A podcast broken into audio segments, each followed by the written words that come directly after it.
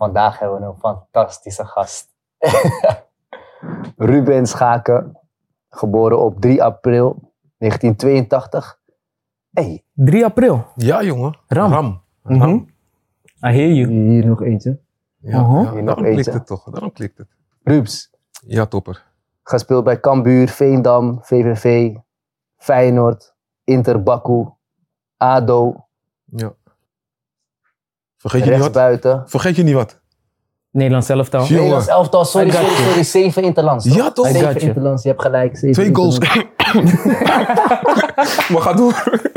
ga Nee, door. nee, nee, nee, rechtsbuiten. Ja, toch. Ehm, drie kinderen? Vier. Vier. Inmiddels, ja, vier. Vier kids. Vier boys. Ehm, dit is wat wij van jou weten eigenlijk. Je wil nog meer weten, Want wie is blijkbaar. eigenlijk, wie is eigenlijk echt Ruben Schaken in, in jouw ogen? Wie, wie ben jij nou echt? Hoe wil je dat horen? In, in wat, wat voor man? Wat voor Oh. Hoe persoon? omschrijf je jezelf? Wie is, wie is Ruben? Het maakt niet uit. Wat in je opkomt. Wie is Ruben Eh, Schaken? wie ben ik? Ja, dat is een goeie. Het lijkt net of ik bij mijn psycholoog zit nu. nee, ik ga je eerlijk weet? zeggen. Je zit lekker comfortabel op de bank. Ik loop de oude hoeren. Nee, wie ben ik? Ik ben een vader. Ik probeer de beste vader te zijn van de wereld. Gaat me niet lukken, maar ik streef er wel naar. Ik hou heel veel van mijn vier kinderen. Ik heb alles voor ze over. Eigenlijk ook omdat ik eh, tijdens mijn carrière heel druk ben geweest. Nou, jullie weten het, als voetballer ben je egoïstisch. Dus je bent alleen maar met je eigen ding bezig. Indirect ook weer niet egoïstisch, want door het voetballen heeft je gezin mogelijkheden om op vakantie te gaan, om eh, goed te kunnen leven. Na mijn carrière ben ik eigenlijk iets te vroeg gestopt. Ik was nog lekker fit, alleen eh, het was 35 en een half. En toen moest ik die keus maken om echt te stoppen. En toen dacht ik van, weet je wat, het is mooi geweest. Dat wereldje past er sowieso niet bij me. Alleen die bal vond ik heerlijk. En toen heb ik eigenlijk voor mijn kinderen gekozen. Omdat ook twee van mijn vier kinderen... Eentje zat destijds bij Ajax, eentje bij Feyenoord. En toen had ik zoiets van, weet je wat, het is nu jullie tijd. Dus eh, moeilijke keus geweest, maar uiteindelijk eh, wel een goede keus geweest. Zitten allebei nu bij Herenveen. Ontwikkelen zich goed. En ik probeer daarin, eh, wat ik al zei, de beste vader te zijn. En ook een goede man voor mijn vriendin. Ik ben nog niet getrouwd. Nog En, niet? eh, nog niet. Misschien gaat het komen. Ik weet het niet. Ik ben al één keer getrouwd geweest. Dus ik zeg Ja. altijd trouwen is rouwen. Mm, Maar goed, aan de andere kant is het wel weer een bezegeling op je relatie. Dus als dat goed is, dan eh zulke dingen kan je niet plannen. Het is een gevoelskwestie. En voor de rest ben ik familiemens. Ik hou van mijn familie. Heel veel. Ik breng heel veel tijd met ze door. Heel veel etentjes, samenkomen, et cetera. Dus, eh, en ik ben ondernemer. Ik hou van geld verdienen. Dus dat is even in een notendop eh, Wie Ruben ben. is. Ja, ja, Mooi man. ja toch. Ik hoor heel veel aanknopingspunten daar, Ruben. Ehm, maar daar komen we later op terug. Is goed, doen we. Ehm, natuurlijk een stukje hoe wij zijn begonnen tussen ons. Hè? De, de nummer één vraag eigenlijk altijd is, eh, hoe gaat het met je? Dus de vraag aan jou is... dat is gelijk direct je? boem. Ja, Ja, gelijk hoe de gaat het vraag, je? hoe, hoe gaat het met goed. Ik mag echt niet klagen. Ik, eh, als Johnny me belt, wat zeg ik altijd? Johnny, hard voor weinig. Wat zei je? Wat zei Je moet sowieso erin komen, hè, weet je. Daarom noem ik, noem, ik, noem ik jou ook. Want hij kent me. Als hij me belt, is eerst Riep, hoe is het? Ik zeg, Johnny, hard voor weinig, nooit zagrijnig. Maar ik meen het wel. Ja, En ik werk keihard. Ik verdien goed geld als ondernemer, waardoor ik gewoon dezelfde levensstijl kan behouden als voetballer. Misschien wel iets minder natuurlijk. Aan de andere kant komt het minder makkelijk binnen, dat merken jullie ook wel. Hè? Dus eh, je moet overal wel rekening mee houden. Voorheen kon je nog lekker eh, winkelen, onbevangen. Maar nu kijk ook zelf ik hoor, eventjes naar het prijskaartje van hé, hey, wacht eventjes. Moeten we dit wel of niet doen? Is het nodig? Dat zijn de eerste vragen die ik stel. ja. Dus in dat opzicht eh, mag ik gewoon echt niet klagen. Het gaat hartstikke goed met mij, met mijn familie. Iedereen is gelukkig, gezond. Corona overleeft. En Ja. eh, het belangrijkste vind ik eigenlijk dat ik altijd eh, hun kan helpen. En niet, niet eens alleen financieel, maar vooral ook in advies, in netwerken, werk zoeken. Ik ben niet meer van het geld geven, dat deed ik als voetballer wel. En als er echt iets nodig is, iets dringends, dan geef je natuurlijk wel eens wat weg. ja. Alleen nu ben ik meer van op een andere manier helpen. Voorbeeldje, mijn broertje die is nu 19. Hij werd 18. Ik zeg, weet je wat, je krijgt van mij een cadeau, je rijlessen. Ik denk, nou, zo help je iemand in ieder geval wel beter om Ja, eh, ja, in het leven te staan. Als je werk gaat zoeken, kan je courieren omdat je rijwijs hebt of wat dan ook, weet je wel. Dus in dat opzicht eh, probeer ik mijn familie gewoon te blijven ondersteunen. ja. Maar op een andere manier dan puur gewoon financieel geld erin stoppen. Dus er zit wel een gedachte achter hoor ik dan. Juist, juist. Ja. ja. Maar goed, ik hoor ook wel dat je een familieman bent. Klopt. Heel erg, Ja. daarop gericht. Ehm, en dat je ook heel veel dingen voor je eigen familie doet. Ehm, waar komt dat eigenlijk vandaan? Het familieman zijn, zeg maar. Opvoeding denk ik. Ik denk dat jullie hetzelfde hebben gehad. Je bent opgegroeid met je familie, heel hecht. Ik denk dat je ouders dat hebben meegegeven. Hè? Ja. Als wij een appel hadden en hij moest bij wijze van door vier kinderen gedeeld worden, deelden we het door vier. Mhm. Omdat iedereen moest eten. We hadden het niet breed. Klinkt cliché. Ik ga ook niet zeggen dat we het heel slecht hadden, want mijn moeder heeft het fantastisch gedaan. Alleen goed, er waren ook wel moeilijke momenten natuurlijk. Ja. Zonder vader opgegroeid, dus mijn moeder was alleen. Ehm, ja, hoe moet ik dat zeggen?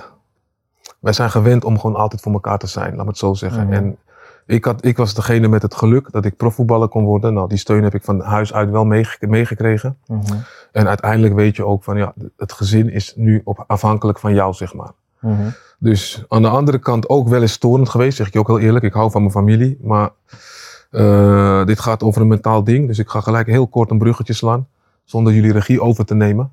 Nee, hey, ga je gang man. Eh, je, Alleen- je, je hoort je... Alleen jullie weten als geen ander dat als je bijvoorbeeld eh, je overstap hebt gemaakt naar Feyenoord en je moet eh, zondag voetballen.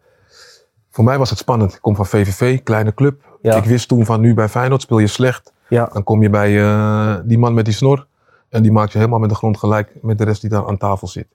Dus wat ik mijn familie heel snel heb aangegeven, na een half jaar ongeveer, is: val mij niet lastig van vrijdag tot zondag. En met lastigvallen bedoel ik: heb je een probleempje, ik moet huur betalen, of achterstand met dit, of ik heb geld nodig, even na het weekend. Mhm. Waarom?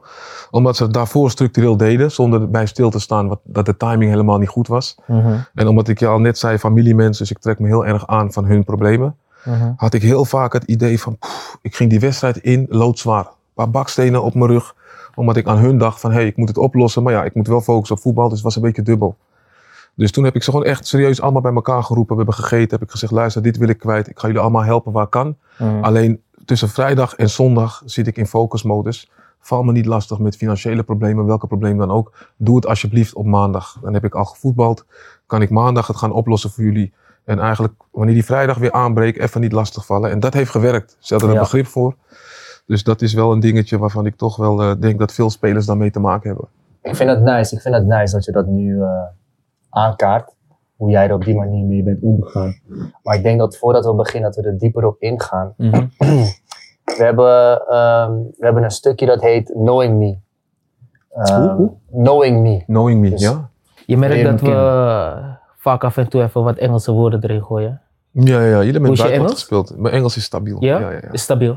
Oké, let's go. We gaan, we gaan af en toe Wat ga je testen? Nee, Let's go. We hebben zeg maar tien vragen hebben we voor je. In het Engels. Nee, nee. Oké, oké, geen druk, hoor. Het is gewoon niet. Oké, oké. Waarin we, eigenlijk moet je zo snel mogelijk moet je Antwoorden. vragen is antwoorden onder druk. Ja, ja. Ja, Hè? ik Zoals we dat eh, altijd wel gedaan hebben. Precies. Precies.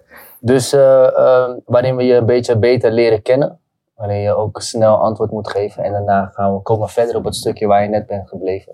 Ja, ja, ja. Ehm, ik moet je ook zeggen van tevoren, als je iets van ons wilt weten tijdens het gesprek, weet je wel, dan geef het gewoon aan. En wij Sterk. gaan er ook gewoon op in. Wij maken zelf ook gewoon het, eh, het gesprek. Dus ehm, let's, laten we Daag starten. ons, daag ons vooral ook uit, maar dat zal voor jou geen probleem Ga zijn. ik zeker doen. Oké, let's go. Je hebt echt kort, kort om... ja, ja, ik ga eh, snel snel. Ding ding. Wat ga je dit jaar doen wat niemand van je verwacht? Poeh, wacht even hoor. Wat Nog ga ik keer, doen we hebben nog, we niemand... hebben nog eh, hoeveel? Tweeënhalve maand ongeveer. Wat ga ik doen wat niemand van mij verwacht? Precies. Ja, goeie. Eh, ik, ga, Tijd. ik denk. ik ga werken. Ik ga werken. In een andere zin. Dus ik ben nu ondernemer, Mhm. maar ik ben nu aan het kijken om gewoon een baan te zoeken. Laat me het zo Oh. zeggen. Ja, dat verwacht weinig. Ja. Ik wil gewoon weten hoe dat voelt. Laat me het zo zeggen. En eigenlijk is het geen betaalde baan. Maar het is toch weer, zoals mensen mij kennen, denk ik, hoop ik, om weer iets te doen voor de maatschappij. Laat me het zo zeggen. Dus ik kan er niet te veel over loslaten, want anders gaan ze weer met mijn ideeën er vandoor. Maar het is wel maatschappelijk, maar echt, het is wel echt, echt werken. Dus dan praat ik over eh, niet een vaste baan, maar ik ga zeg maar naar verschillende bedrijven, ga ik daar eh, werkzaamheden eh, uitvoeren, tegen betaling we- weliswaar. Ja. En dat geld gaat dan weer naar een, naar een goed doel in de sport voor minder bedeelden, laat me het zo zeggen. Wauw. Oké, nice. Wauw. Nice. Ja. Je wilde niks vertellen, Ik heb toch weer. eh, maar je hebt het toch gedaan, hè? Ja, I like ja. that, oké. Next question. Ehm, wat is het spannendste wat je ooit hebt meegemaakt? Spannendste ooit, ja, was toch wel mijn overstap van eh, Feyenoord naar Azerbeidzjan. Mm. Oké, Ja. oké.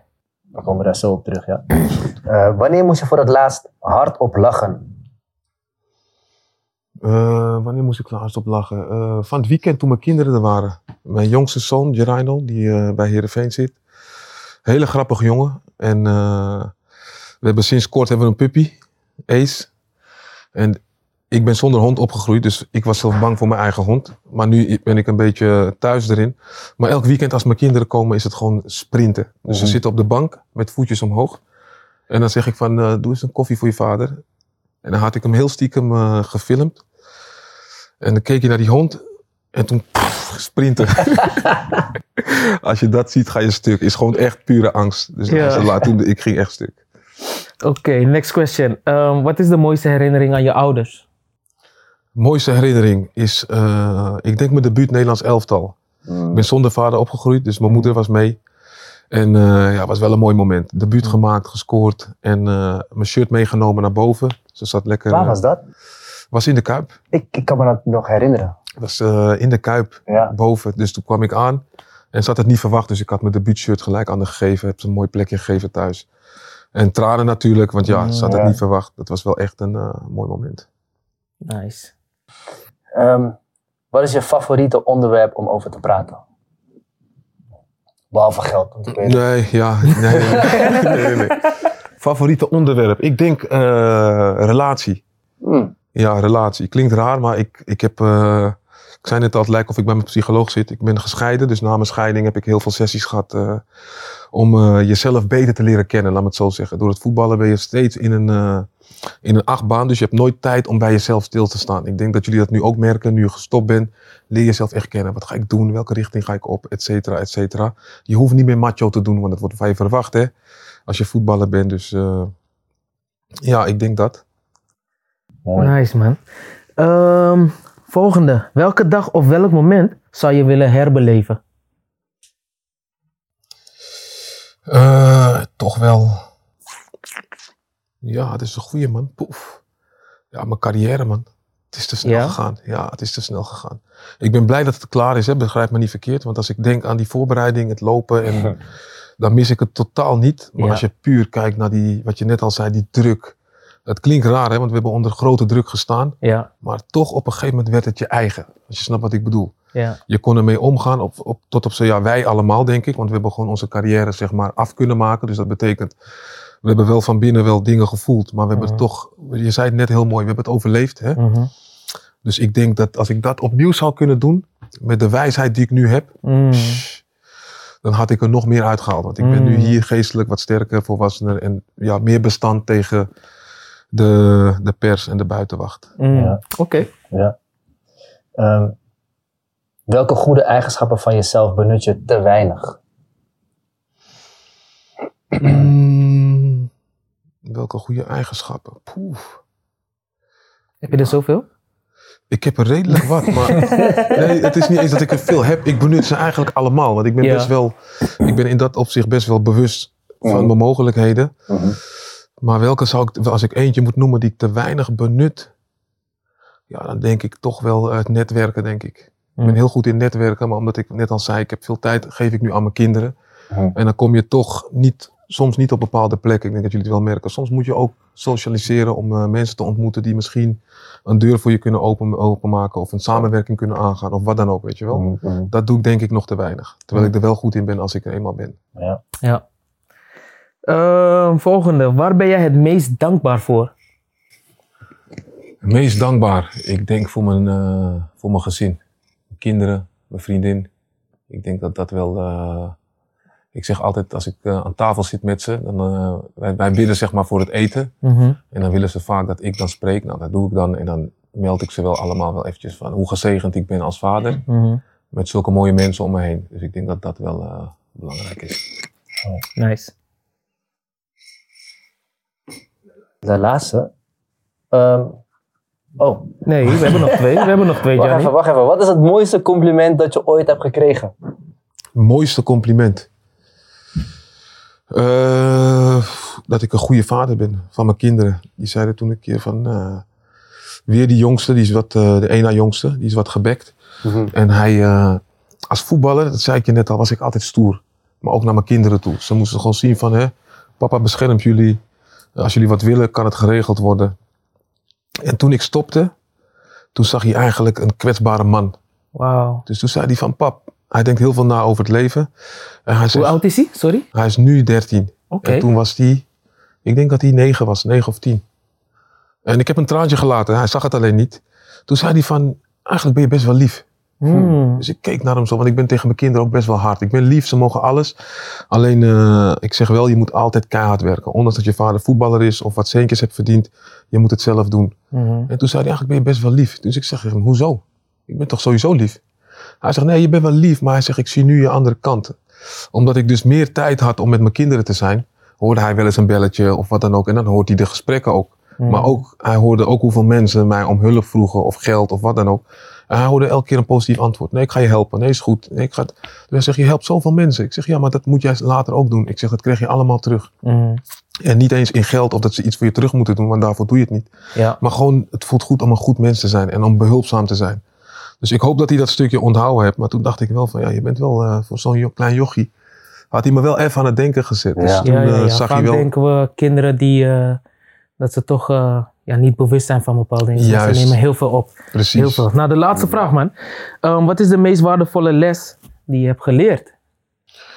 In jouw leven, in jouw carrière. meest waardevolle les.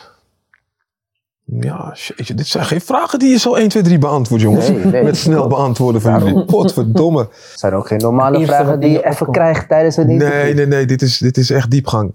Nee, ik, ik denk dat de belangrijkste les is om altijd jezelf te zijn en te blijven. Ik denk dat dat het allerbelangrijkste is. Jullie weten als geen ander dat het voetbal je ook vormt. Je Mhm. teamgenoten vormen je, de trainers. Iedereen eh, wordt in een hokje gestopt. Wij voetballers worden heel snel in een hokje gestopt. En ik heb wel altijd geprobeerd om daarin eh, me te onderscheiden in de zin dat ik...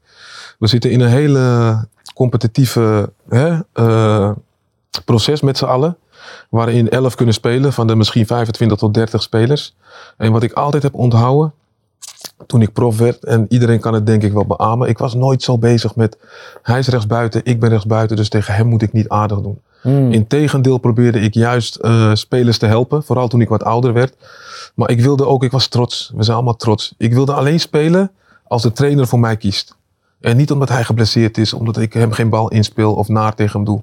Ik was gelukkig met al mijn concurrenten ook goed. Dus ik denk dat dat de belangrijkste les is. Blijf jezelf en blijf ook elkaar helpen. Ondanks dat je, je zit in een team, Ja. ondanks dat. Ja, ik vind dat, ik vind dat een eh, mooie afsluiter, man. Ehm, jezelf blijven.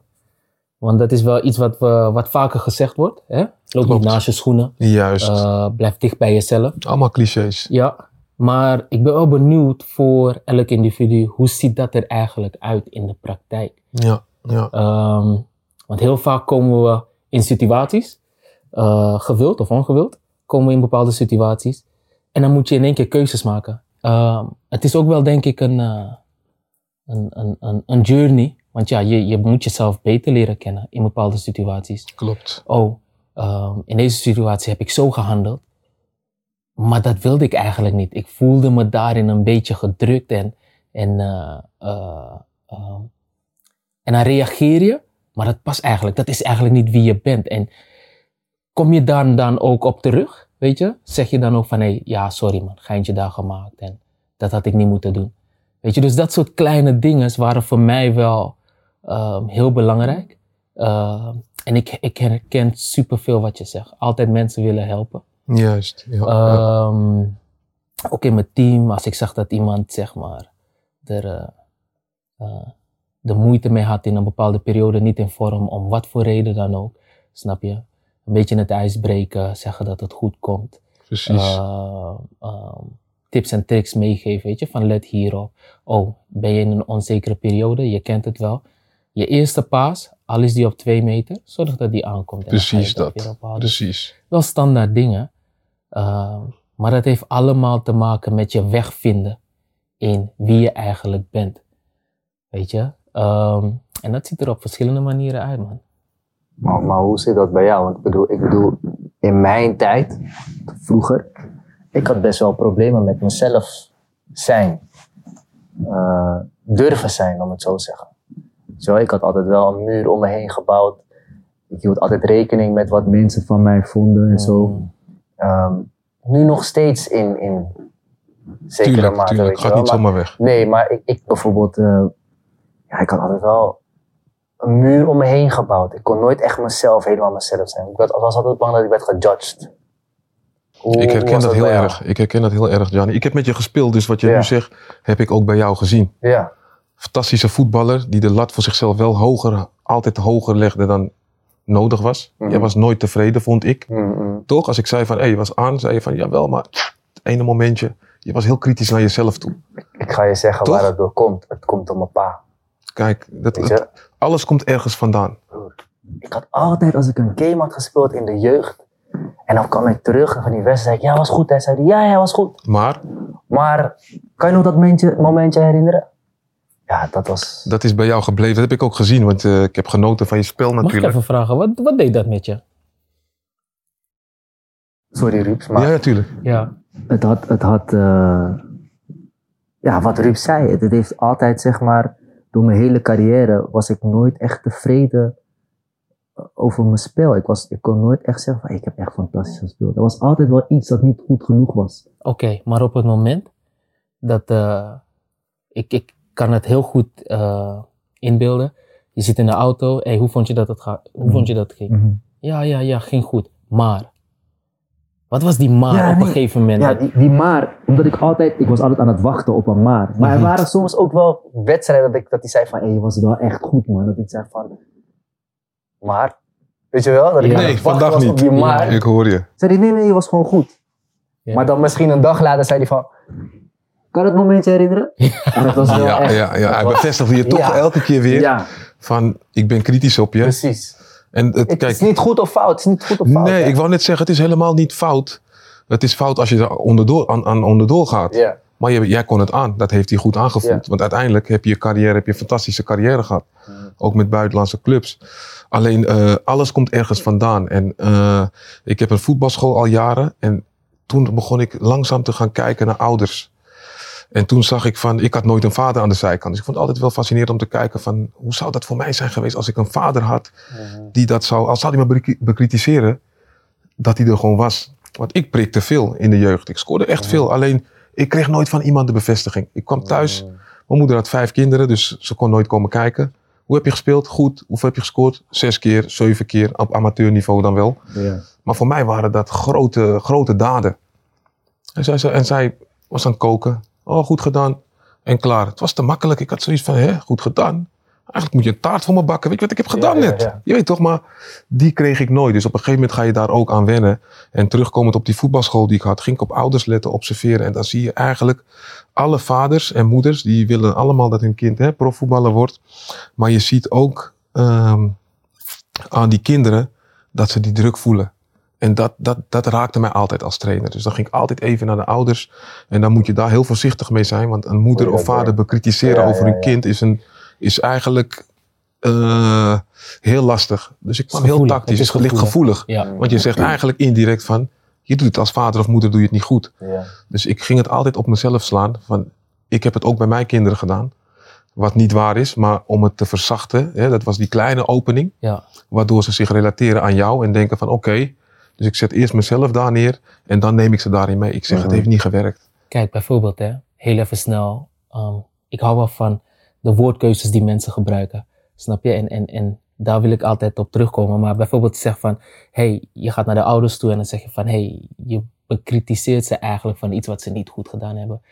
Ik zou niet zozeer zeggen van dat ze het niet goed doen, maar het kan ook altijd anders. Nou, sta je, sta je ervoor open om misschien een andere inzicht, een ander perspectief eh, te krijgen. dat is de woordkeuze die je moet hebben. Dus, ehm, en we zijn heel vaak als mens geneigd om te zeggen van, oh, oh, dit is niet goed, dat is niet goed, omdat het anders is of Ja, dat ze het niet begrijpen. ja, klopt. Snap je? Hey, sta je ervoor open om misschien dit zo te proberen, want het gaat impact, het gaat een andere impact hebben op jouw kind, zeg maar. Ehm, dat even tussendoor. Uh, ik hoor in je verhaal heel veel je vader terugkomen. Je vader die er niet was. Ja, ja. Ehm, zou je daar meer over kunnen en willen vertellen? Tuurlijk, Eh, de tuurlijk. reden. En ehm, dan ook gelijk om te kijken van, ehm, hè, je geeft aan, het is een gemist. Wat is dat gemist? Zou je dat in woorden kunnen? Het is onbeschrijfelijk. Edson, je leeft maar één keer. En als ik straks op mijn sterfbed lig, als ik die kansen krijg of ik overlijd, dan zal ik nooit weten hoe het voelt om een vader te hebben. En dat is wel iets wat echt pijn doet. En ik moet je zeggen dat ik daar onbewust last van had. Maar ik gaf, je weet toch, we zaten in die achtbaan. Dus ik gaf het een plekje. Ja, geen vader, ik heb het geaccepteerd. Pap, pap, pap, dit is mijn situatie. Maar het moment dat ik stopte en ik was in scheiding tijdens mijn carrière. En daarna had ik het ook even heel zwaar. Toen heb ik toch iets gekozen wat eigenlijk niet in mijn comfortzone ligt. Je bent een bekend persoon, ex-profvoetballer. En je moet dus eigenlijk bij een vreemde dame moet je gaan zitten. En dan moet je daar met de billen bloot. En dat was wel een stap. Mm. En uiteindelijk kon zij al heel snel zien van vriend.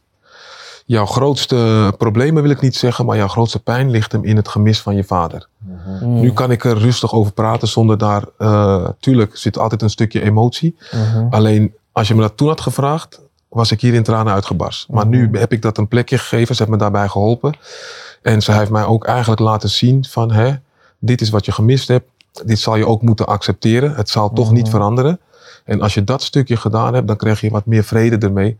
Kan je het een plekje geven. Ik neem hem ook niks kwalijk, hè, want mijn vader is verslaafd vanaf zijn eh, zestiende tot en met de dag van vandaag. En begin, als je jonger bent, neem je hem kwalijk. Hij leeft nog. Hij leeft nog, ja, hij leeft nog. En we hebben ook wisselend contact gehad. Hè, in die afgelopen, tijdens mijn carrière ook. Dan was hij weer aan het afkicken. Nou heb ik hem zelf meegenomen om daar naartoe te brengen. Maar op een gegeven moment, na zoveel pogingen, merk je ook gewoon van... Het, is, het kost alleen maar energie, wat helemaal niet erg is. Het is je vader. Alleen, het leidt niet naar echt afkicken. Het is gewoon pappen en nat houden. En het moment dat hij dan weer eruit kwam, hij kende de wegen, zocht hij zijn plekken weer. En dan hoorde ik weer van, hé, hey, het gaat niet goed met hem. En het moment dat ik eigenlijk, weet je hoe ik wist dat, dat hij weer bezig was? Dan had hij een telefoon. Het moment dat hij zijn telefoon niet meer opneemt, dus voicemail, dan weet je eigenlijk van, oké, dat kan een keer dat zijn telefoon uit is. Maar als je dat een week lang doet en je belt hem, voicemail, voicemail, voicemail, dan weet je dat hij bezig is. Want de tele- telefoon is een middel voor geld. Dus die gaat hij verkopen en dan kan hij zijn troep Oh, mee halen. En, en heeft dat zeg maar ehm, gedurende carrière, heb je daar ook echt last van gehad? Of heb je dat op dat moment zeg maar een plekje kunnen geven en daarmee om kunnen gaan? Heeft dat effect gehad ook op je spel, op jou als mens? Nee, mijn spel niet zozeer, maar ik, ik had er wel last van, onbewust. Dus, Ja. ehm, hoe moet ik het goed zeggen? Vooral in de jeugd eigenlijk. Toen was het nog vers. Dan ga je voetballen en ik vergeet die momenten nooit meer. Want dan ben je, je gaat alleen naar voetbal.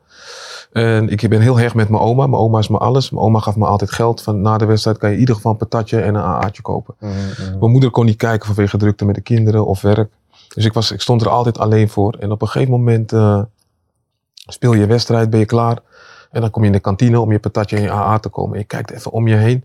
En dan kreeg ik wel elke week kreeg ik eventjes die tik van... hey, dan zie ik mijn teamgenoten met hun vader. Hè? Schouderklopje, goed gespeeld. Ja, eh. Je hebt een eh, patatje verdiend. En eh, hoeveel goals had je? Ik had gezegd 2 euro per doelpunt. Hier heb je 6 euro. Dus die dingen raakten me wel. Dat ik dacht van, oef, zou wel tof zijn. Want dan was ik miljonair geworden met de goals die ik maakte. Als mijn vader er was.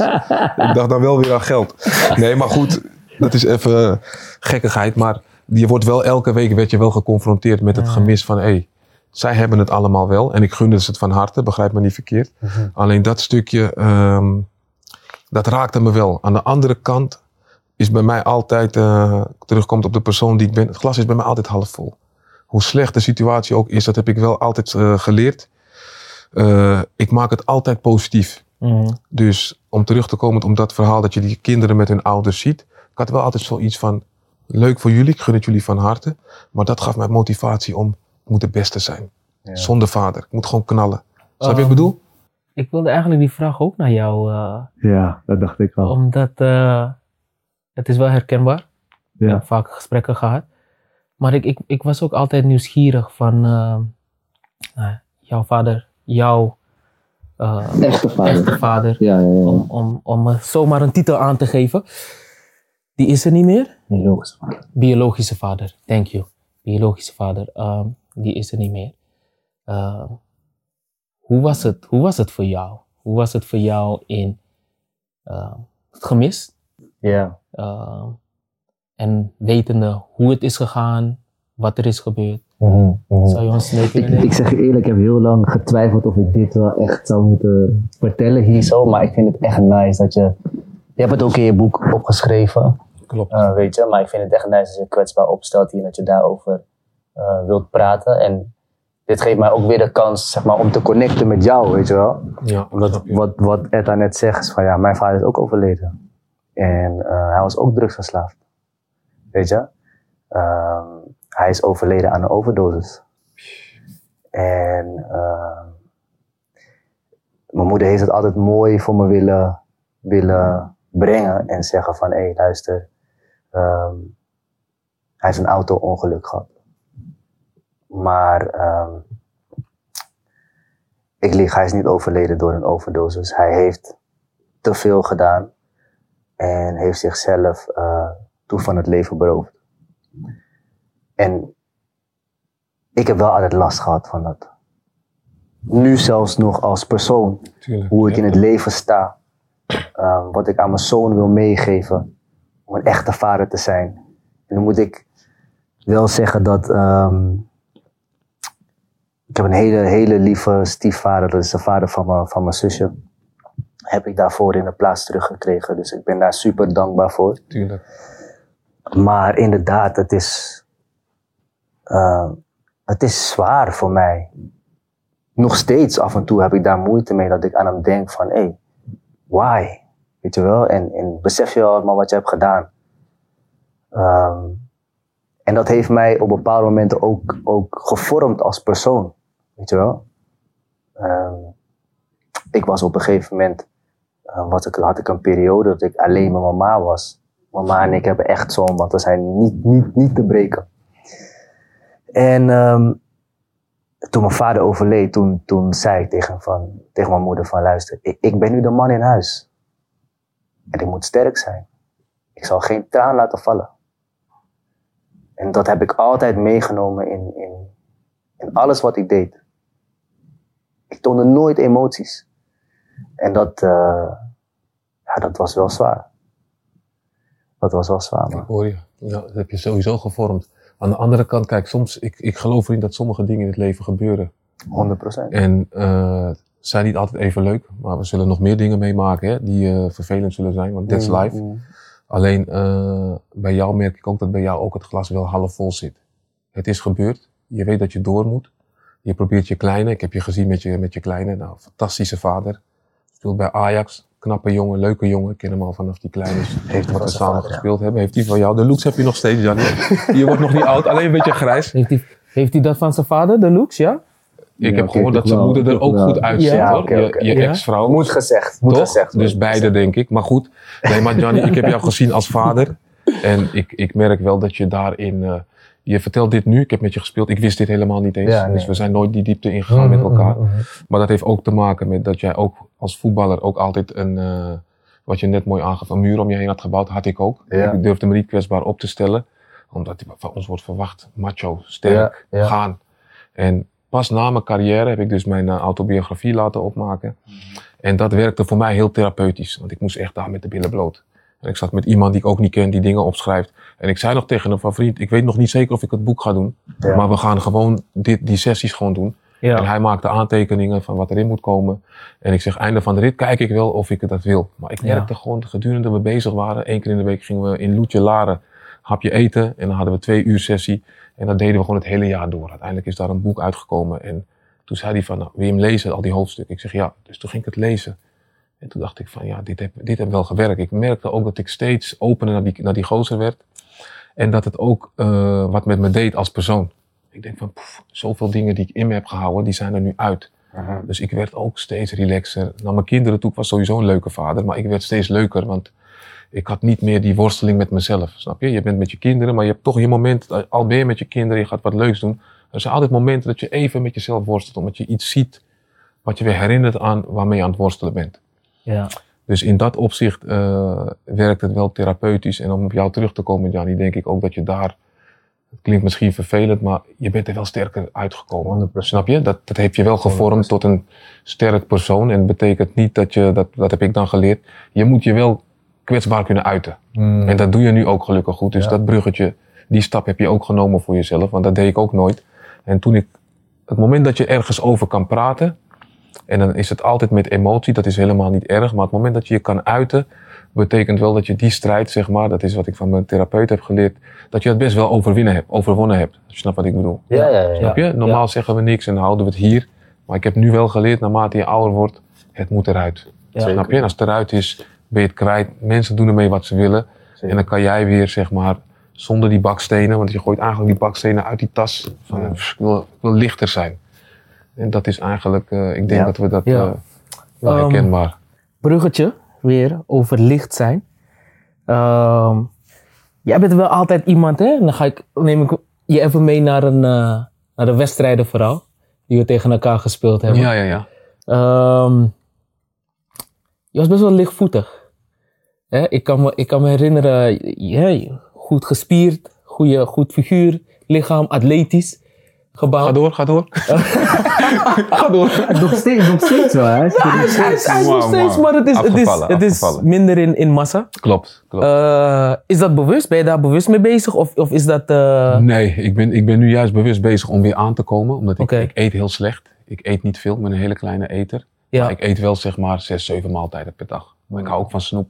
Ja, En ik merk gewoon dat ik te weinig tijd heb om te sporten. Om het nog, je weet toch, in, Ja. eh, in gareel te houden zeg maar. Maar ik ga nu wel weer bezig om aan te komen. Dus extra voeding, extra shakes. Hey, mag ik je geheim om af te vallen? Want eh, bij mij is het eh, andersom, man. Nee, je ziet er nog goed uit. Esther. Nee, hij is wel. Kijk, donker kleed af, hè? Oké, ga Nee. door, ga door. Daarom ging ik ook altijd in donker. Daarom heb je, je hebt ze geheim gebracht. Ja, ja, ja, Elke ja. sessie komt hij doen. nou goed, waar ik naartoe wilde ook is... Ja. eh, ehm, heb je, heb, heb jij, nee, jij speelde rechtsback, jij speelde rechtsbuiten. Dus jullie waren vaak aan dezelfde Nee, nee, nee, nee. nee. Ja, Ja, ja, ja, ja. ja? Ik heb met hem gedanst ook hoor. Salsa. Je hebt met hem gedanst? Salsa? Ja, ja, ja, ja, ja. 1-1. Feyenoord. Feyenoord Heerenveen. Feyenoord Heerenveen. Ja, toen... Weet je nog? Drie man. binnen. Eerlijk? Ging naar binnen Eerlijk? en toen scoorde ja. Oké, kijk. Hier hou ik van. Hier hou ik van. Hij ging naar binnen en toen scoorde hij. Ja, in de korte hoek kan ik me nog herinneren. Klopt, maar nee, je moet het goed uitleggen. Ik onderschepte de bal. Johnny kwam, kap naar binnen. Johnny kwam nog een keer, kap naar buiten. Nee, nee, nee. Johnny- Eén keer, één keer. Goed, die beelden even terug. Toen ik hier naartoe ging, heb ik redactie gebeld. Alleen Fox bestaat niet meer, het is nu ESPN. En die hebben geld gevraagd. Ik zeg, nee, dat vind ik wel Ja. weer te ver gaan. Anders kon ik het je laten zien. En na die goal, ik weet niet of je nog kan herinneren, Marco van Basten werd helemaal gek. Hij Ja, maakte zo'n pirouette aan de zijkant. ja, ja. ja. Dat van, potverdomme, hoe kan hij nou drie man het bos insturen? Ja, ja. dus dat ja. waren mooie beelden. Van Ja, jou heb dat- ik ook een paar, maar ook die wilden ze niet vrijgeven. Maar misschien dat maar ik misschien de hebben kijk... ze dat... Hé, hey, kom aan man. Weet je, Gianni geeft eerlijk toe. Snap je? Ik ben ook wel iemand van, als jij... Als jij toen de tijd met mij... Nee, wacht even. Ik ga één ding zeggen. Er is één moment geweest. Ja. Twente, thuis bij mij. Jullie speelden uit. Mhm. Ja. Ehm, kunnen we heel snel op YouTube gaan. Ik geloof je. Je bent Ehm, eerlijk. Maar, ik maakte je kapot eerste helft. Hè? Nee, even serieus. Zo vermoeiend allemaal. Nee man. Nee, nee, nee, hij heeft gelijk. Ja. Hij heeft Heb gelijk. ik gelijk of niet? Nee, je hebt gelijk. Ja, maar was een bewuste keus. Was een bewuste keus. Het Frustraties sowieso. Ja. En dan tweede helft. Was je moe? Nou, ik, het was niet dat ik moe was. Weet je, het gaat allemaal te, te gemakkelijk. Snap je? En dan op een gegeven moment denk je van ja, ik doe dat weer eventjes. En dan verslap je. En dan heeft hij me één keer gekapt. Mhm. Maar dat zette me wel gelijk weer scherp. En toen was het klaar. Ik zeg je eerlijk, hij heeft gelijk. Ik had een verschrikkelijke wedstrijd. En we kenden elkaar al vanaf way back, vanaf Utrecht al. En jullie zijn twee praters, hè? Hey, Nee, maar nee, nee, nee. hey, wacht even. Weet je wat mooi was? Eerste helft was één duel. Hij dacht dat hij me voorbij was. En dan kom ik toch nog weer halve tackle. Bam, ik blok het. En ik loop naar hem toe. Ik zeg, waar ga je naartoe? Nergens. Nergens. Je bent hier. Hey, hey. Kijk, en dan komt hij, doe normaal, Edso, ga weg man. Ga weg. Nee, maar ik ga je zeggen, de hele... Dus voor ik tegen jou speelde, wist ik al, deze man gaat veel dit doen. Ja, ja, ja. ja, En ik ben er gevoelig voor. Ook omdat ik hem ken. Dus ik denk, ik ga niet reageren, niet reageren. Maar op een gegeven moment, eerste helft, ga je eerlijk zeggen, weinig verdedigers die mij een hele helft, dat ik niet één of twee keer de langs voorzet. Mm. Maar ik had nog niks gedaan die wedstrijd. En ik denk, ik wil alsjeblieft niet die wissel. Want dan die wissel, Ja, die rond minuut 70, en bij Ja. Feyenoord krijg je hem snel. Ja. Want als je niks presteert, en ik denk alsjeblieft niet die Want dan voelt hij zich weer lekker. Krijg ik weer daarna een appie of een ding van, eh, of na de wedstrijd van jammer hè. Dus ik hoopte niet op die. Dus tweede helft, tweede helft herpakte ik me een beetje. Maar ik kon hem niet echt voorbij. Maar ik dacht, weet je wat? Laat me nu zakelijk spelen. Afschermen, kaatsen. Weglopen in de balkon. Maar ik kon niet echt de diepte in. Want hij gooide alles dicht. Mm. Ik denk, laat me dan mee voetballen om die wissel te voorkomen. En toen kwam één. alsnog gewisseld of niet? Volgens mij niet, hè? Nee, die niet wedstrijd gewisseld. niet. Nee. We wonnen volgens mij, hè? Ehm, Of was het gelijkspel? Het was, het was gelijk volgens Gelijkspel. mij. Ja, Castanjos gelijk. maakte de 2-2, geloof Ja, ik. Toch? ja. In de allerlaatste Laatste minuut. minuut. Ja, Ja, klopt. een eh, foutje klopt. van ons, korte hoek. Ja. Maar luister, ik denk dat dit een, een goed bruggetje is. Eh, we hebben het over Feyenoord, zeg maar. De, de stap naar Feyenoord. Ik ging van VVV, ging je naar Feyenoord. Ehm, we hebben altijd een aantal onderwerpen die we, die we aan willen tikken. Wat doet, wat doet op dat moment ga je van VVV naar Feyenoord? In één keer ben je de man. Wat doet, wat doet Fame op dat moment met je? Poef. Ik denk dat ik het mooiste voorbeeld ben van iemand die zeg maar eh, heel snel, eh, op latere leeftijd wel, maar heel snel naar de top, eh, naar de top ging. Alleen mentaal ging dat niet mee. Ik was in mijn hoofd nog een Jupiler League speler. Ik heb zes, zeven jaar Jupiler League gespeeld. Ging naar VVV, ook Jupiler League, werden we kampioen. En eigenlijk helemaal niet besef van vriend, je gaat nu Eredivisie spelen, er gaan dingen veranderen. Je wordt bekender, dus het tweede jaar bij VVV gingen we Eredivisie spelen. En toen merkte ik van, hé, hey, dit, dit ligt mij wel. Omdat je daar vaak één op één, ik was vrij onbekend. Dus ze lieten mij ook gewoon met die, bui- met die linksback altijd alleen. Maar ja, dat was mijn ding. Als er geen rugdekking was, ging ik 9 van de 10 keer was ik weg. Ja, schaartje voorzet. erlangs. Dus ik vergeet nooit meer mijn allereerste wedstrijd. eh, PSV uit met VVV. Ik kom in, die, in het stadion en ik was Telstar uitgewend, Haarlem uit. Dus nu kwam je een groot stadion, ik keek om me heen. Telefoon gepakt, filmen. Dus ik was trots. En op een gegeven moment, eh, we speelden die wedstrijd. We gingen dat jaar erop, de jaar ervoor met VV werden we kampioen. Gingen we naar eh, Griekenland als team uitje. Maar PSV was daar ook. En ik was heel goed met die Marokkaanse jongens. Dus ik was met Amrabat, met Afellay, met Otman Bakal. Dus met hun heb ik heel veel opgetrokken in die week. Dus in die wedstrijd kwam ik ze dus tegen. En Afellay speelde fantastisch. Hij was echt goed. We stonden 2-0 achter. En hij zegt op een gegeven moment iets tegen me dat me echt raakte. Hij zegt van, hey, kom op man, Hezzy. Je weet toch, zo spraken we met Ja, elkaar, ja, met alle respect. Hè? Hij mocht dat ook zeggen. Hij zegt, jullie zijn zo nep man. Goh. Ja, en hij had gelijk, want wij, wij kwamen er gewoon niet aan te pas. Maar we hadden allemaal debutanten in de Eredivisie. Ja, ja, ja. Die dat niet gewend waren. Er waren enkelingen die Eredivisie ervaring hadden. Dus in de rust zaten we en eh, hadden we een speech van de trainer van eh, eh, laat het los, gewoon onbevangen voetballen. Dus ik ging, naar- ik, ik zei op een gegeven moment, trainer, ik wil wat zeggen. Ik zeg, hey boys, uh, Avalai zei net van, we zijn zo nep en dit, dat, dat. En ik weet niet wat er gebeurde, maar iedereen, iedereen dacht zoiets van, hey, what the fuck. Dus tweede helft, we speelden, je kan het nog op, op internet zien. We speelden in de tweede helft, jongen, dat echt, ik kreeg gewoon kippenvel. Het leek alsof iedereen wakker was. En eh, Honda maakte de 2-1 vanuit een corner, fantastische goal. Speelde hij, hij was de enige die onbevangen speelde. Hij speelde Mm. gruwelijk die wedstrijd. Mm. En eh tweede helft was ik ook aan. Ik stond op Salcido. Nou, ik was ook een beetje onder de indruk, want in de catacombe keek ik naar die man zijn rug. Zijn shirtje knalde er bijna uit. Hij had zo'n rug. Ja? Dus ik denk, ik moet met hem alleen maar rennen, niet in duel komen. Ja. En pas tweede helft liet ik alles schroom los. En toen maakte ik volgens mij in de, je moet beseffen, in de allerlaatste minuut, of tenminste net twee minuten voor tijd, maakte ik de 2-2 met mijn linkerbeen. Maar was vanaf middenlijn Met links. met links. Ja, dat is Ongekend. ongekende. Nee, maar het erge was, Johnny, terwijl ik aan het juichen ben, schrok ik. Ken je die? Hij zat erin met links. Maar ik kon niet laten merken toch. Dus ik maakte de 2-2. Ja. Maar wat typerend was aan die goal is dat ik eigenlijk... We hadden de hele wedstrijd compact moeten spelen. Nou, als aanvaller is dat verschrikkelijk. Want je bent meer zonder bal dan met bal. Steeds kantelen, knijpen. Dat, we hadden erop getraind. Als je PSV die ruimtes geeft, gaat het mis. En als je dan in eigenlijk de laatste fase nog zo'n sprint eruit trekt. En eh, op Marcellus geloof ik. Dat je nog wat over had en dan ook nog die bal erin schiet. Dat was voor mij wel een bevestiging van oké, dit is mijn niveau. Terugkomend op de stap naar Feyenoord. Was, ik heb eigenlijk alles fout gedaan wat je fout kon doen. Hmm. Ik begon met een interview. Ik zat bij VVV. Ik begon met een interview over Ajax. Ik kom bij de jeugd van Ajax. En ik zat nog bij VVV. Het seizoen moest nog afgemaakt worden. In april tekende ik. En ik zou pas in de zomer zou ik naar Feyenoord gaan. Dus Mario Been belt me de dag daarna. Hij zegt, heb je de krant gezien? Ik zeg, nee. Ik had een interview met AD. Maar ik was zo onbevangen en zo groen. Hè, dat ik niet eens wist dat het impact had. Ik had ook die krant niet teruggelezen. Dus ik denk, AD. Ik ga naar boven. Ik pak die krant erbij. Had ik een stukje. En ik wist ook niet dat ze het zo gingen verkrachten. Hè. Eh, Ajax ziet naar Feyenoord. En ik had gezegd, nou, ik, eh, mooie tijd gehad bij Ajax. Een jaartje. Maar goed, het jaar van, eh, Europa Cup 1 natuurlijk, met Kluivert die die winnende goal maakt. Dat benoemde ik gewoon als jeugd, jeugdig, Mhm. dat ik dat mooi vond dat ik, dat, dat ik daarbij was. Maar goed, niet wetende dat dat daar helemaal verkeerd valt. Mhm. Dus besef dat je dan met min 100 begint. Je bent één Amsterdammer. Je hebt zo'n interview gegeven. Hele forum ging over mij. Van eh, wegwezen ermee, die hoeven we niet. En dan moet je nog beginnen. Mhm. Als klap op de vuurpijl speel ik mijn laatste oefenwedstrijd bij eh, VVV. ik denk, weet je wat, ik ga die gewoon mooi afsluiten. Was tegen, weet ik veel, een tweede klasser. Speel die wedstrijd, nou, alles op de heupen, twee goals gemaakt. En ik had een jongen die zat constant te loeren, te loeren. Vrienden van hem aan de zijkant. Schop hem, schop hem elke keer. Dus ik zeg tegen die scheids van, hey, ik heb getekend bij Feyenoord. Ik zeg, eh, ik wil wel, ja, ik zeg, ik wil hier heel vanaf komen. Ja. En hij bleef maar schoppen. En op een gegeven moment draai ik bij hem weg. Ik tik die bal voor me uit om één op één om naar de keeper te gaan. Oh. En ik voel gewoon een schaar in de lucht. En ik zag hem niet aankomen. Dus ik viel echt gewoon met mijn moffel gewoon op het kunstgras. En op dat moment koortsluiting, want ik had die scheids gewaarschuwd. Ja. Ik had al een paar schoppen van hem gekregen. Ik had hem al bedreigd van vriend, als je nog één keer krijg je gewoon een elleboog. En op dat moment, Etta, ik draai me om. Ik loop naar hem toe, ik haal hem gelijk uit. Boom. En ik doe mijn shirt uit en ik loop gelijk naar binnen. Dus die rode kaart dat hij omhoog werd gehaald, heb ik niet eens gezien. niet eens meer. Ik liep gewoon naar binnen. Ik zat in de kleedkamer. Ik denk, weet je wat, prima zo. Dus ik zit in de kleedkamer, niks aan de hand. Wedstrijd uitgespeeld. Op een gegeven moment komt die leider, teamleider, naar me toe. Hij zegt, eh, niet zo slim hè. Ik zeg, nee, weet ik, maar goed, hij irriteerde mij. Hij zegt, nee, niet alleen dat. Kan je nagaan hè, hoe groen ik was hè.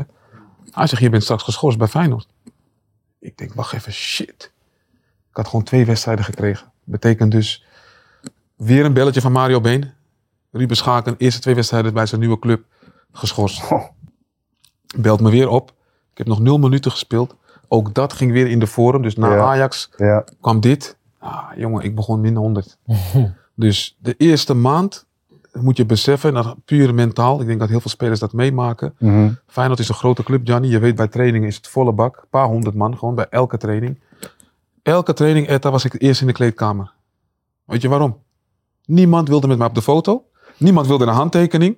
Dus die, zelf die escorts, je weet toch die mensen die zeg maar... Ja, hey, was, was, was, hey, was confronterend hè.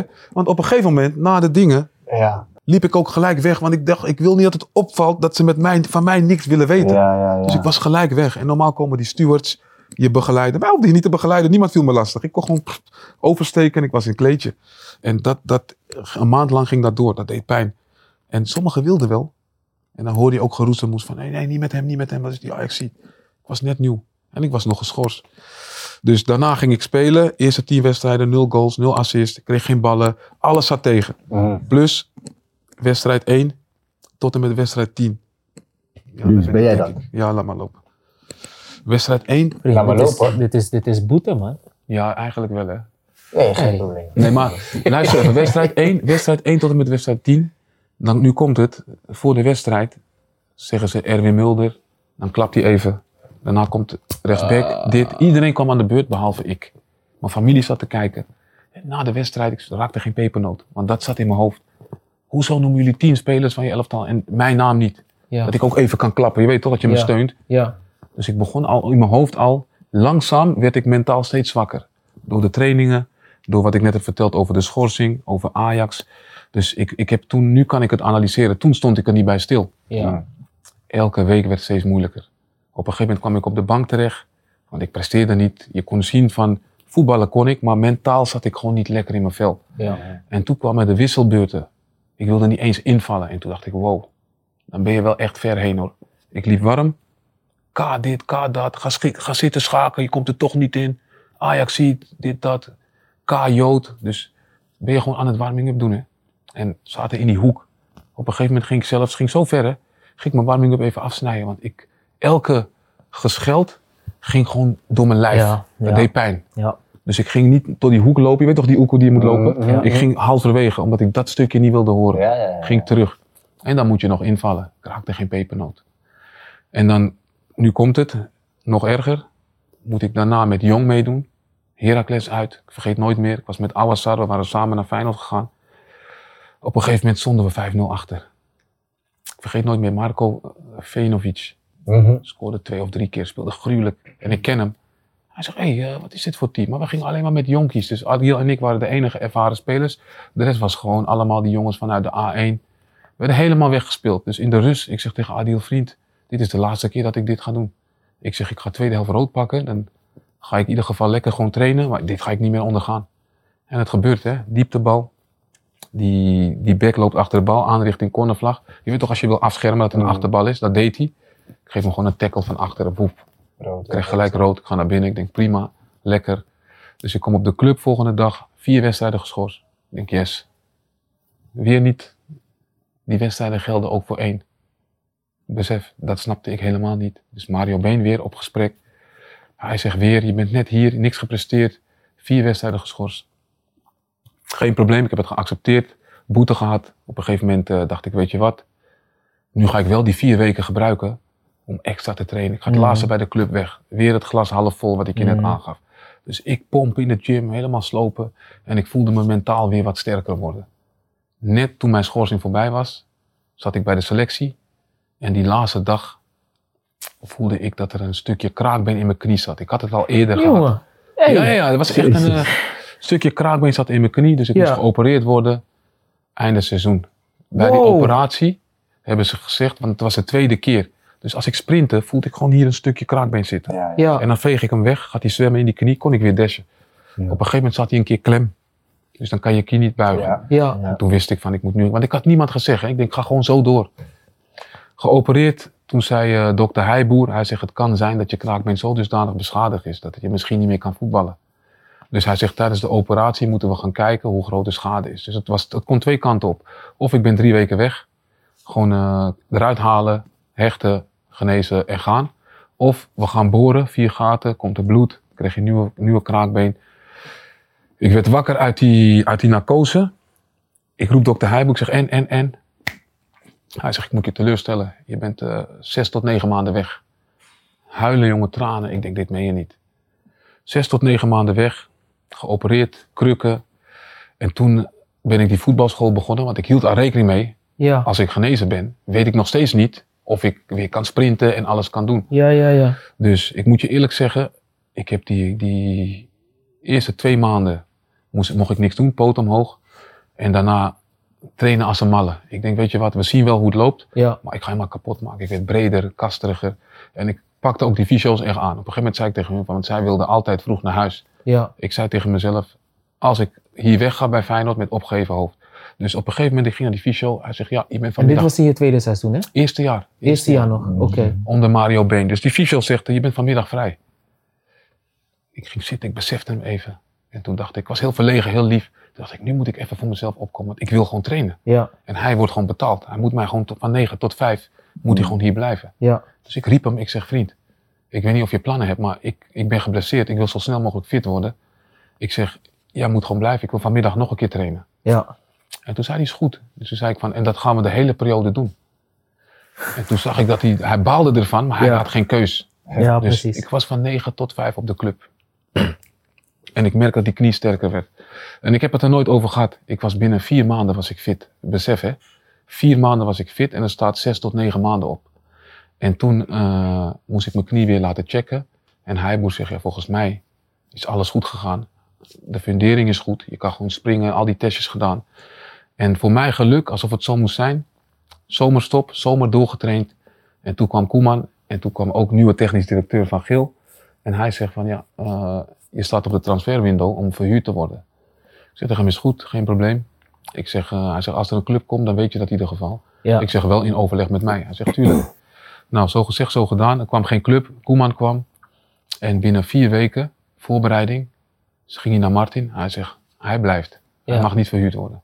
Toen dacht ik, yes, Van Geel komt naar me toe. Hij zegt, Koeman wil je niet laten gaan. Of je gaat spelen, weet hij nog niet. Maar hij wil je wel bij de groep houden. Ja.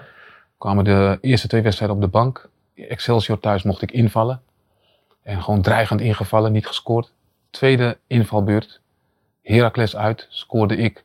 Maar Guillaume Fernandes gaf dat laatste setje. Ik schoot die bal over de, over de lijn, Ja, kwam die ja, aansprinten. Die staat nog eh, ook op internet.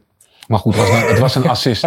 ik was boos op die man, jongen, Gianni. Nee, besef waar ik vandaan kwam. hè. Je Ja, kent nu nee, het hele verhaal. ja, nu val je in. Ja. Koeman zegt gewoon tegen mij na die invalbeurt, volgende week start jij. En eigenlijk, de derde wedstrijd, ben ik nooit meer eruit gegaan. En drie weken later had ik al eh, mijn eerste goal en twee assists. Zei tegen Van Geel van, eh zijn contract loopt af. Nu openbreken. Ja.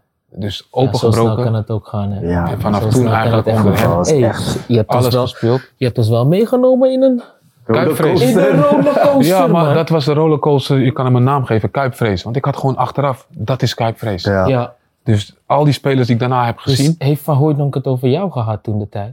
Nee, over uh, Tien Dali. Want ik heb Oh, van Hooydonk wel eens ja. gesproken. Oké. Nee, maar weet je wat het, de grap was?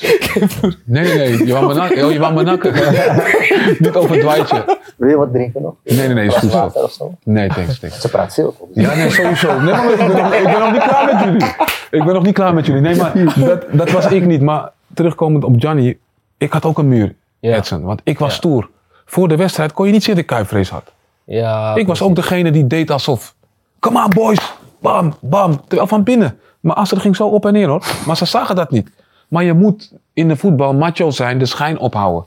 En nu kan ik er mooi over praten, Johnny. Maar ik, had, ik ga je wel eerlijk maar zeggen. Luister, luister. Ik vind, het, ik vind het mooi wat je zegt. Want je zegt, je ging zo op en neer. Maar wat is, stel, alle Feyenoord-spelers hebben hier een beetje mee te maken. Ook als ze bij Ajax spelen. Maar wat is jouw advies dan? Want wat heb jij gedaan om jou... Wat, wat, wat is jouw advies voor Ik die je- boys van... Hoe zet je er zo overheen? Ik ga je eerlijk zeggen, ik was zo diep gezonken mentaal. Dat de tijd die ik had gekregen om eh, na te denken. Doordat ik geblesseerd was geraakt, geopereerd. En ik had ook een uitlaatklep, want ik ben mijn voetbalschool gestart. Nou, was heel succesvol. En eigenlijk toen ik fit werd. En Van Geel zei tegen mij van de kans dat je verhuurd wordt is groot. Dacht ik, laat maar komen jongen. Ik zeg, ik heb nu, ik heb nu alles meegemaakt. Kritiek. eh, voor het eerst zit je gewoon tv te kijken. Dat was het engste wat er was. Hè. Hoor je Derksen gewoon, ja die schaken bij Feyenoord. Ja, die bakt er helemaal niks van joh. Die mag God op zijn klote knieën, blote knieën bedanken. Dat hij op de heilige, in de heilige kuip mag rondlopen. Dus dan zit je te kijken. Mag ik je eventjes daarin uitdagen? Hij zegt dan van, oké, die schaken bakt er helemaal niks van. Ehm, pijnlijk om dat te horen. Omdat jij wel kwaliteiten hebt. Hè? Je, je kan voetballen. Ja, ja. En dan wordt er wel door iemand anders op televisie, vooral publiekelijk, hè, eh, wordt gezegd schaken, die bakt er helemaal niks van. Als je eerlijk terugkijkt, die periode, heb je er wat van gebakken? Hij had gelijk. Hij had gelijk. Nee, maar zo analyseer ik Maar- mezelf ook hè. Ja, Hij had gelijk. Kijk, eh, wat ik toen gedaan heb, ik heb dat ding gekeken en je weet hoe dat werkt. Daarna, na de uitzending, is mijn hele telefoon vol. ja, WhatsApp. Heb je gezien? Heb je gezien? Dus diezelfde mensen die, die wilden eigenlijk. eh, het leek alsof ze ervan genoten, laat me het zo zeggen. Dus ik heb toen een heel snel cursus gehad van hoe de media werkt, hoe de pers werkt. ja, Want diezelfde Derksen, toen ik naar Feyenoord ging. En ik kom van Veendam, zijn club, BV Ja. Veendam. Ja. Die hemelde me helemaal op. Goede keus van Feyenoord, goede aankoop. Eh, Feyenoord heeft mij gehaald omdat ik twee keer op Van Bronckhorst stond. stond. En Van Bronckhorst was toen op leeftijd, dus ja, hij was wat kwetsbaarder, maar gewoon nog steeds een fantastische voetballer toen. ja. Alleen, ik had mijn snelheid mee. Snap je? Ja. Dus hij zei toen van, en ze lieten ook beelden zien. Dus ik wist toen van, oké, hij is gewoon eerlijk, want hij heeft mij toen ook opgehemeld. Dus Mhm. daardoor kon ik het een beetje relativeren, laat me het zo zeggen. Maar de trots die ik heb, de trots die ik heb, Edson, is, ik wilde hem, ook hem het tegendeel bewijzen. Mm, En eh, terugkomend op jouw vraag is, hoe heb ik het om kunnen draaien? Ik had de tijd om na te denken en ik had niks meer te verliezen. Ik had alles al meegemaakt. Niet, niet met me op de foto willen, niet mijn naam scanderen, eh, uitgefloten worden, uitgescholden worden. Dus ik dacht één ding, ik ga met opgeheven hoofd hier weg. Dit gevoel, hè, wat je nu hebt, ehm, niks meer te verliezen. Wat kan dat zijn zuurder maken? Snap je? Heerlijk gevoel, hè? Heerlijk gevoel. Heerlijk de gevoel. druk is weg. De druk is weg. Licht. Snap je? Dus ehm, je kan eindelijk gewoon je ding doen. En ja, toch eventjes een beetje van scheid hebben. Maar, dan doe je het, dan gaat het goed. Dan bouw je weer hè, eh, eh, krediets op. Ja. Van, hé, hey, die schaak is goed bezig. Mensen gaan weer positief over je praten en schrijven. En dan komt er wel weer een moment dat je denkt van, hé, hey, oh, ik, wil, ik moet dit vasthouden. Want als ik nu niet weer ga presteren, of als ik nu eventjes weer een momentje heb van... om dat weer te voelen, jij zegt het precies zoals het is. Edson, dat was mijn grootste angst. Ja, Ik heb daar echt keihard moeten werken om het eh, legioen voor me te winnen. En niemand heeft het doorgehad. Maar de dag dat ze mijn naam scandeerden. Ik zeg je eerlijk, kippenvel. Ja. Alleen niemand zag het. Ik, ik klapte heel nonchalant terug. ja, Maar ik denk eindelijk. En Ja. toen dacht ik in mijn hoofd. Jullie hebben me heel lang droog gelaten. Elke week gaan jullie voor mij op de banken staan. En uiteindelijk heb ik dat voor elkaar gekregen door, door eh, gewoon te presteren. Maar wat je zei, ik was zo professioneel en zo eh, gefocust op tijd naar bed. Eh, geen gekkigheid. Ja. Puur gefocust op presteren. Dat ik dat eigenlijk tot de laatste dag, zelfs nu nog steeds populair ben bij het Legioen. Omdat ik gewoon altijd zoiets had van. Dus eigenlijk, al speel ik soms slecht. Jullie willen alleen maar dat spelers hier hard werken. Natuurlijk moet je kwaliteit hebben, maar je moet wel omschakelen. Je moet vechten, je mag niet laten Ja. lopen. Ik denk, nou, dat kan ik wel brengen. Ja. Hard Ja. werken hoef ik niet goed voor te zijn. Ja. Gewoon lopen, de afspraken uitvoeren. En dan komt dat stukje extra kwaliteit die je hebt er nog bij. Dus dat was, dat was eigenlijk precies hoe je het zegt. Was, was mijn remedie om zeg maar scheid hebben en niks meer te verliezen. Om eh, ja, toch te presteren en het daar Ja. gewoon goed te doen. Ja, ja, ja. Tijdens je carrière, je gaf het net eigenlijk al aan, eh, heb je ook te maken gehad met een, eh, met een scheiding. Ehm, hoe ben je daar eigenlijk mee omgegaan? Wat, wat, wat voor impact heeft dat op jou gehad, op jou, op je kinderen? Poeh. weet je, er zijn, er zijn heel veel voetballers. Het is, het is jammer om te zeggen, maar die, die ehm, maken heel vroeg kinderen. En ja, heel veel. Ja, maar dat is, is geen fout ding, want je bent Nee, nee, eigenlijk nee, je op nee zoek- maar goed. Ik, je geeft naar veel voetballers. Dus ik, ik ben daar Ja, ook. eh, ja, ja. Ik ook. En Ga je dan op een gegeven moment dan loopt het toch mis op een of andere manier. Ehm, hoe is dat bij jou? Hoe is dat bij jou gegaan? Hoe ben je daarmee omgegaan? Wat voor impact heeft dat bij jou gehad je leven? was een van de zwaarste dingen die ik heb mee moeten maken, zeg je eerlijk. Los van het Feyenoord verhaal, dat is topsport, dat is mentaal. ja, ja. Maar dit is persoonlijk. Kinderen zijn betrokken. En eh nou, Edson, ik denk dat jij het kan beamen. Dat zijn wel een van de zwaarste dingen die er zijn. Je hebt ook, ondanks dat je niet het gevoel hebt dat je iets, iets verkeerds doet. Hè, in mijn geval wel, want ik, eh, hè, ik was losbandig, om het maar op zijn Surinaams te zeggen. En eh, daar loop ik niet voor weg. Daar ben ik voor Ga je uitgekomen. ook je vinger opsteken? Ja, nou goed, ik knik. Ik, ik laat hem eens even uitpraten. Oké. Ik was losbandig, dus mijn ex-vrouw viel niks te verwijten. Alleen, wat ik wel altijd zeg is, elk persoon mag zelf kiezen bij welke persoon hij wil zijn. Mhm. Snap ik bedoel? Dus het moet niet zo zijn dat omdat je eh, samen met iemand bent, dat je samen moet blijven. Om welke redenen dan ook. In dit geval was ik losbandig, maar ik heb die keus gemaakt. Alleen, wat toen heel, heel erg knaagde, is het schuldgevoel naar mijn kinderen. Snap je? Je hebt drie kinderen met die vrouw en eh, ik merkte ook, één keer zat bij Ajax, één keer zat bij Feyenoord. En tot de dag van vandaag denk ik dat als ik die keus niet had gemaakt, zaten ze allebei nog bij Ajax en Feyenoord. Alleen dat ze hebben gewoon mentaal een hele goede tik gehad. En wat ik achteraf niet erg vind, want het, dat is ook het leven. Dus daar mogen ze al aan, aan gaan wennen. Tuurlijk doe je dat niet met voorbedachte raden, maar als het eenmaal zover is, moet je ze wapenen van dit is ook onderdeel van het leven. En ik heb ze ook eerlijk uitgelegd waarom we uit elkaar zijn gegaan. Ze weten ook van mijn verleden, want ik vind naar je kinderen moet je eerlijk zijn. Als ze een bepaalde leeftijd hebben bereikt. Dat zeg je niet als je kind twee of drie is, maar goed, mijn kinderen waren oud genoeg om te beseffen van dit en dit is de keus. En het mooiste vond ik, ik moest ze weer terugwinnen. Dat is echt eh, een moeilijk dingetje hoor. Elk weekend kwamen ze bij mij. Elk weekend moest ik leuke dingen gaan doen. En eh, ze bezighouden, wat ik heel leuk vond. Maar ik merkte wel van, hé, hey, ik was een beetje vervreemd van mijn eigen kinderen. Snap je? Ze waren heel stil, heel teruggetrokken, heel verdrietig. Dus ik moest ze weer activeren, om het maar zo te zeggen. Ja. En ik zat ook nog met mezelf in de knoop, besef. Hè? Dus het was best een moeilijk proces. Maar met hulp van psycholoog heb ik dat overwonnen. En ik merkte gewoon dat ze steeds vaker bij me wilden zijn, belden van dit of dat. Dus uiteindelijk nu eh, zijn ze daarin wel heel stabiel. Hè? Je went aan alles. We zijn al eh, x aantal jaar verder natuurlijk. Alleen eh, dat schuldgevoel op het moment, pff, dat is onbeschrijfelijk hoe pijn dat doet. En hoe, hoe moeilijk dat is om dat terug te krijgen. Wat je had met je kinderen, zeg maar, die band. En vooral met mijn oudste, die was toen oud genoeg. Hij is nu eh 20 geworden. Dus ja, hij had alles door uiteraard. En hij had wel zoiets van, hè, hij kon meer zijn eigen ding doen. Die anderen kwamen een beetje verplicht, wilden het ook wel. Hij was eh, uit huissleutels, hij kwam wanneer hij wou. En soms zag ik hem twee, drie weken niet. Dacht ik, hé, hey, wacht even, ik heb lang niets van hem gehoord. Moest ik hem bellen? Merkte ik een soort afstand. Ja. Ik zeg, hey, als er wat is of je wil wat aan me kwijt, zeg het, weet je. En uiteindelijk hebben we door gesprekken en hem ook alles uit te leggen, is hij me gaan begrijpen. En nu merk ik ook dat hij daarin me beter begrijpt nu hij ouder geworden is, laat me het zo zeggen. Ja. je? Het is niet goed te praten wat ik gedaan heb. Maar hij begrijpt wel dat dit is ook het onderdeel van het leven. En ik denk dat je, je- we zijn ouders en je wilt je kinderen eigenlijk behoeden voor al het kwaad, alle slechte dingen, alle slechte mensen. Maar dat gaat ons nooit lukken. Nee, ik denk, ik denk, ik denk, eh, nou goed, je gaf het net al aan. Ik heb, ik heb ook een, eh, een scheiding. En Ja. ehm, achter de rug. Een aantal jaren al. We zijn alweer tien jaar verder. Maar het zit bij mij nog steeds eh, ja, gewoon super gevoelig. Ehm, de relatie met mijn kinderen is niet ehm, hoe ik het graag zie.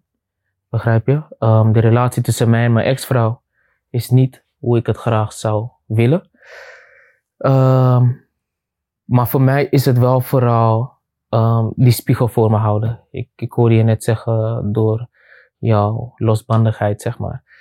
Nou goed, dat is bij mij ook het geval geweest. En dat heeft zich uitgewerkt in dat ik eh, eh, ja, thuis gewoon, nou goed, ik, het was voor mij ook een hele periode, weet je, dat eh, ehm, door voetbal ook, weet je, eh, ehm, voetbal heeft me heel veel goede dingen, mooie dingen eh, gebracht, maar ook heel veel minder goede dingen. Ehm, heel veel pijn, heel veel verdriet. En daar was ik gewoon heel, heel jong in en heel onvolwassen. Ik denk dat dat gewoon het belangrijkste woord is. Super onvolwassen. En door die scheiding eigenlijk bij mezelf teweeg gegaan van hé, de keuzes die ik gemaakt heb, hebben invloed, impact op mensen. En die mensen zijn eh, mensen om wie ik heel veel geef, van wie ik heel veel hou. En vooral mijn verantwoordelijkheidsgevoel naar mijn kinderen toe. Dat, was, eh, dat is tot op het heden, tot van vandaag, is dat gewoon super belangrijk voor mij. En dat heeft wel eh, bij mij het een en ander kapot gemaakt, wat nog steeds kapot is. Ehm, natuurlijk, wat je zegt, je moet verder. Maar af en toe heb ik nog wel echt eh, ja, hele, hele, hele ja, vervelende momenten gewoon op het moment dat ik in het nu ben. Wat bedoel ik met in het nu zijn, is eh, je, je happy momenten herkennen. Terwijl ik dan een, een moment van geluk heb. Dat is eigenlijk best wel heel raar. Eh, ik heb een moment van geluk dat ik thuis ben met mijn kids. Met mijn huidige vrouw, met mijn kids. En dan, eh, oh man, dit is, dit, is, dit is nice. Snap je? Je voelt het aan alles. Alles op dat moment klopt gewoon. Maar tegelijkertijd kan het wel kloppen, want aan de andere kant heb ik ook kinderen. En dit ontbreekt in mijn leven en dit ontbreekt in hun leven. Dus het is, eh, het is een ongoing proces voor mij, man. En eh, nogmaals, het is een bepaalde situatie waarin ik gewoon het beste van moet maken. En eh, ja, ego trots opzij moet zetten. En, doen, en doen wat, wat, wat goed is voor mijn kinderen. Maar het is wel een strijd. Het is wel een strijd waar ik zelf nog niet helemaal in, in proces, zeg maar, mee klaargekomen ben. Dus laat me het anders verwoorden. waar ik zelf nog niet helemaal... Ik hoorde het, ja. Hoorde je wat hij zei? Dat balans. Ja, maar ik, ik, ik, ik vond deze man altijd als seksistisch. Zelfs in een serieuze setting gooit hij iets seksistisch eruit. Gewoon. Denk die maar aan Het viel, klaarkomen. het viel echt een beetje laat. Ja, maar toen hij zei van, laat ik me het denk- anders zeggen, dacht ik, huh? Nee, hij had hem door, dat is wel goed. Nee, nee, nee, nee. maar goed, dat is wel super herkenbaar, man, wat je daar zegt. ehm. maar het is gewoon een proces. En zegt eh, voetballers die op, op jonge leeftijd dus ook eh, op zoek naar iets zijn. Ja, We, we zijn allemaal op zoek naar iets, eh, vastigheid. Ehm, ik, ik zeg het liever stabiliteit. stabiliteit. ja. Ehm, ik, ik hou het liever ehm, dicht bij liefde. We zijn op zoek naar een bepaalde liefde. Ehm, en liefde kan in heel veel vormen en, en, en, en shapes zijn, weet je. Dus, ehm, en daar, daar ja, ehm, komen we nogmaals op die linkerbaan, man. We komen die Ja. linkerbaan en dan is het gaan.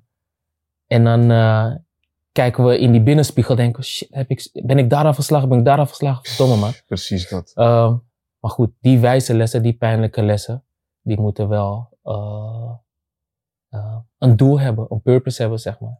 Dus dat haal ik wel altijd eruit. Nice. Die vormen je. Mooi om te horen, man. Rups, ehm, Ja.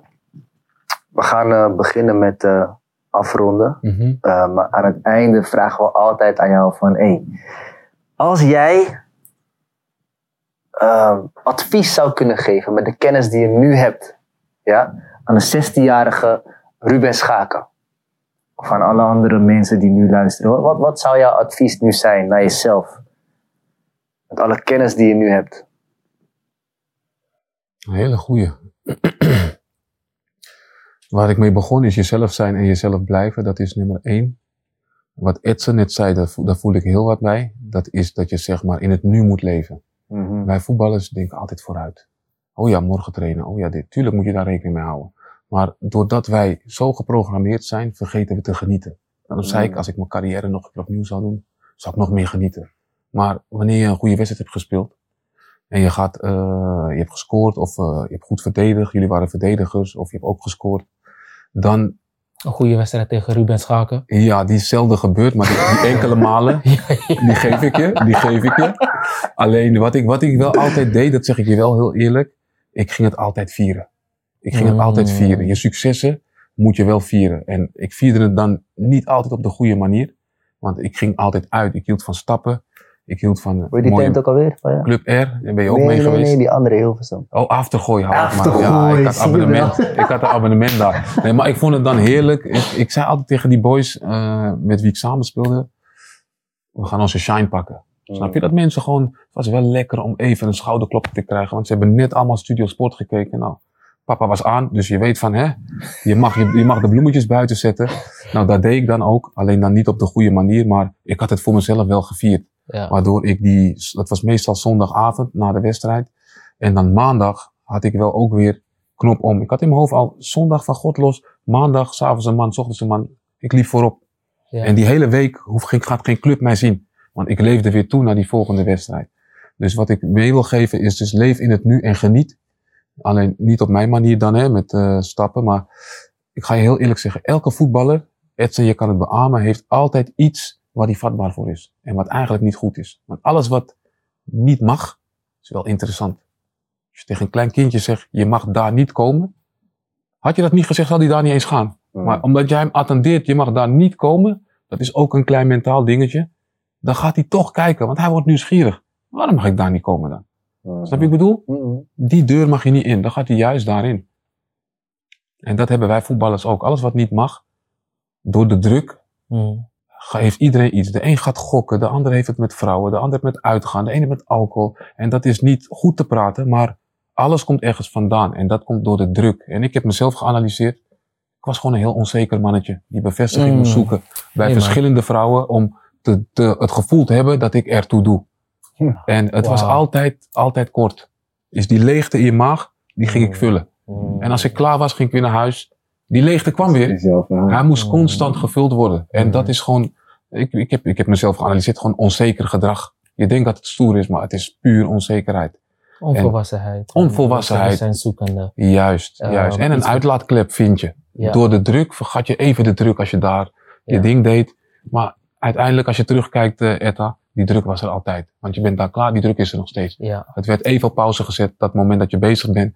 Daarna kom je weer gelukkig eh, normaal in de realiteit. Ja. Dus het, het, Wat, wat, ik ook in je verhaal hoor, is, eh, is toch wel waarschijnlijk onbewust het bezig zijn met ehm, het leven wat buiten jou afspeelt.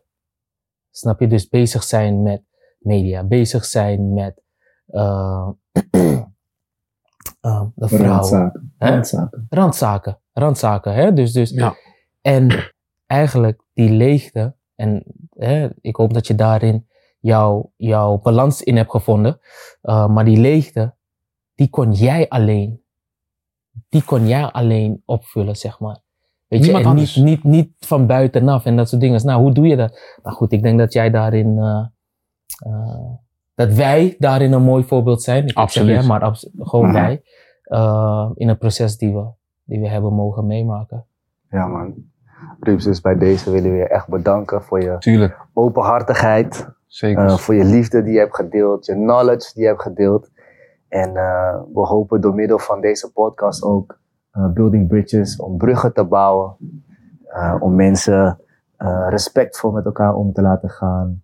om te Begripvol. weten, begripvol, om te weten hoe wij met bepaalde dingen omgaan. Dat het heel herkenbaar is, ook Mhm. voor, voor andere mensen die misschien een ander leven leiden, maar dat er toch heel veel parallellen zijn. En ehm, ja, dat is waar we mee bezig zijn met deze podcast, man. Dus ehm, Thanks again. Ruben. Jullie ook bedankt. Ja, man. Echt Hey, nice je dat ik credits, hier mocht je zijn. credits. Dankjewel toppers. Ik vind het super wat jullie doen. Mooi initiatief. Thanks. En ik denk Credits, dat mensen bro. hier wel wat aan hebben, man. 100%. Ja, mede door jou ook, man. Nee, Thanks, tuurlijk. maar jullie thanks. doen het super. Super, Ja. man. Hè? Nice. Knowledge. Ja, toch? Je bent eh, gegroeid als persoon, man. Ja, dat moest wel, Jannie. Echt. Poef. Echt nice. Maar jullie ook. Toch? Dat is het leven. Ik ben, ik ben ook gegroeid, ja. Letterlijk en figuurlijk, hè?